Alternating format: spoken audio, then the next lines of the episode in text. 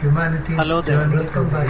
This is, uh, Dr. Srinivasan, an independent researcher discussed in the and publisher of Electronic Journal of Social and Strategic Studies. human civilizations to In the course of my PhD, I am in the process of over a dozen publications. and the universe Many young scholars had sought During our first a number of clarifications concerning certain fundamental concepts in academic research. built thus far. On the Even though many had studied research methodology and operational research. The questions they debated indicated that there was a, an element of uh, fundamental understanding was lacking. To facilitate appreciation of the basic concepts while embarking on a research project, I had uh, talked to them about a six-step method to make it easier for young scholars across humanities, social and pure sciences. The talks were given in a simple language that would convey their meaning without the burden of professional the- jargon. I am confident that these uh, talks would be helpful.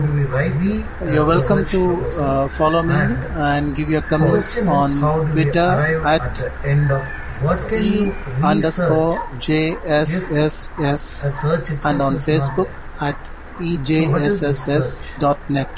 Thank you. Research is basically a domain, an area, a specific frontier, a boundary within which something is there. So you need to understand that unless a domain is very clearly earmarked or uh, the, the territorial uh, jurisdictions are very clearly earmarked, you cannot search anything. Like if we go through, um, uh, let's say, standard uh, police procedures, you know, when they need to find something, uh, a clue or something which has, uh, you know, uh, which is related to a crime or an incident or a traffic accident, for example, you will find if you just watch, uh, like, uh, take for example, uh, traffic accident, if you just watch on the from the shoulders of the road, you will find the policeman marking out an area, a larger area, than the spot at which the accident is taken. And you will find that the policemen search that entire area. What they basically do is they have defined a territory within which they will be looking for anything which is related to that particular accident. For example, they will look for tire marks, they will look for uh, no brake marks, and they will look for oil leaks, and they will look for shards and pieces of glass, and the direction in which they have flown, and etc. etc. etc. So first, the fundamental thing that we need to understand is that a domain it needs to be specified. So we can say, so history is a domain. So can I start my uh, research on history? Yes, of course, history is a domain. But as we all understand, the human civilization, at least what we know, I mean, we, we presume, I mean, the, the anthropologists and other archaeologists and whomsoever is concerned with that field have told us already that the so-called the, the, the Eve, the first woman who gave birth to uh, uh, the, the mankind, was uh, in Africa sometime 1 lakh 85,000 years ago. So if you want to search history, then you have to start 1 lakh 85,000 years before and come down to 2019. Is that practicable? No, not at all. I mean, uh, one life is not good enough, you know, like um, maybe I think it's a title of a James Bond movie.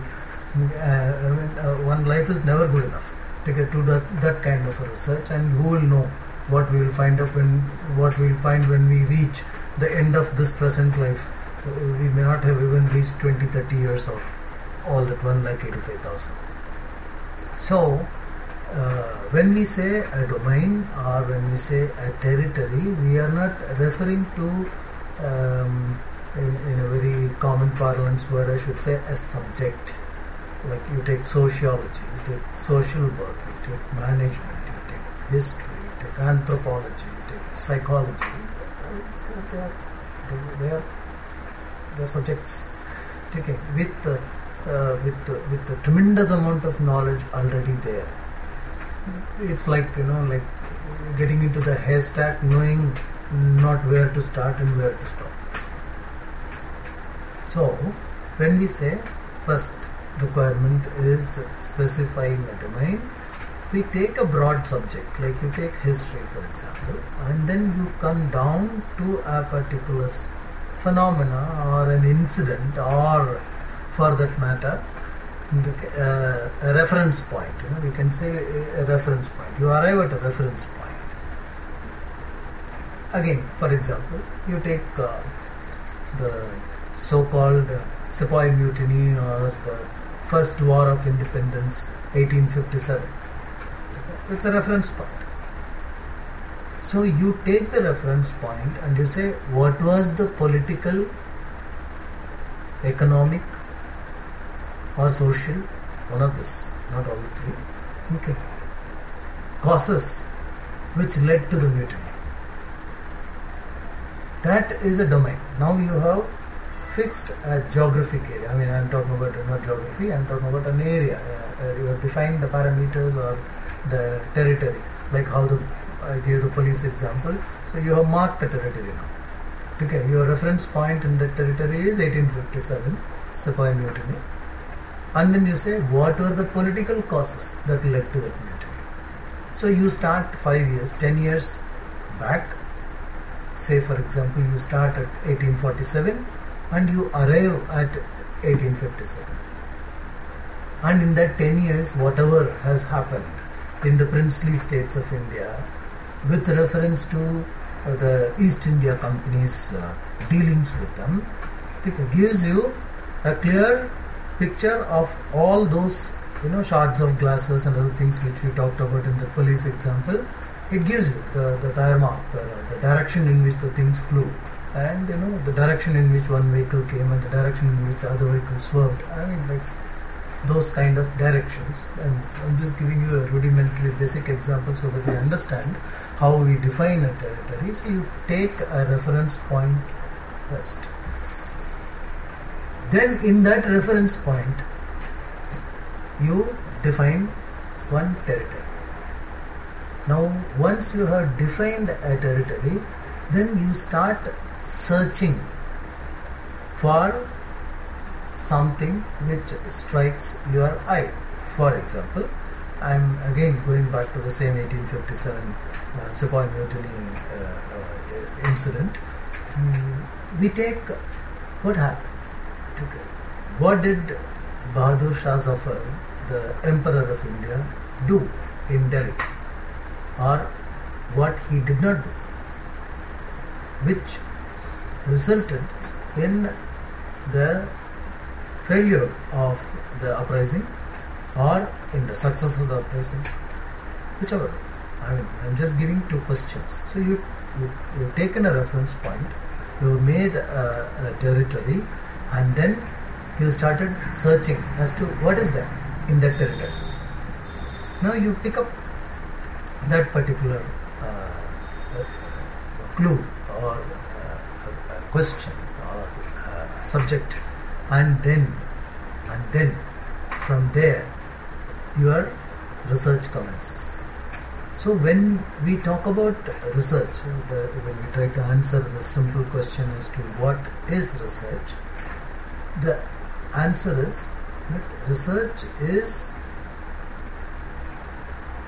a relook at a defined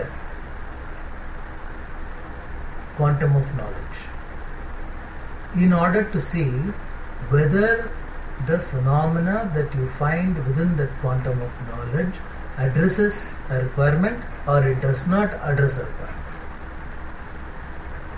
If it addresses, how much did it address? If it did not address in what ways it fell short.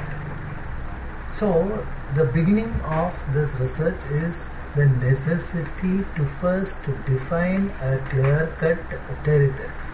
It is not a, a, a kind of a, uh, no general, uh, as I mentioned in the first part, you know, groping in the dark with your eyes closed. No, you can't simply grope in the dark with your eyes closed, saying that I am researching.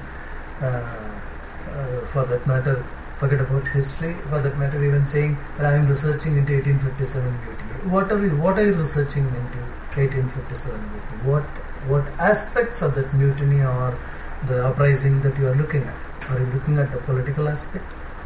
Are you looking at the economic aspect? Are you looking at the social aspect? What is that particular aspect that you are looking at? When you decide this, then you have commenced your research. So again, in, in very simpler uh, uh, terms, I would like to restate that research is researching a specific domain of knowledge within a whole school of knowledge researching a specific domain of knowledge in order to find answers to a question which may pertain to that particular phenomena or the context in which the phenomena occurred or the context to which that phenomena may lead to. That is the first understanding that we should be clear about when we talk about research.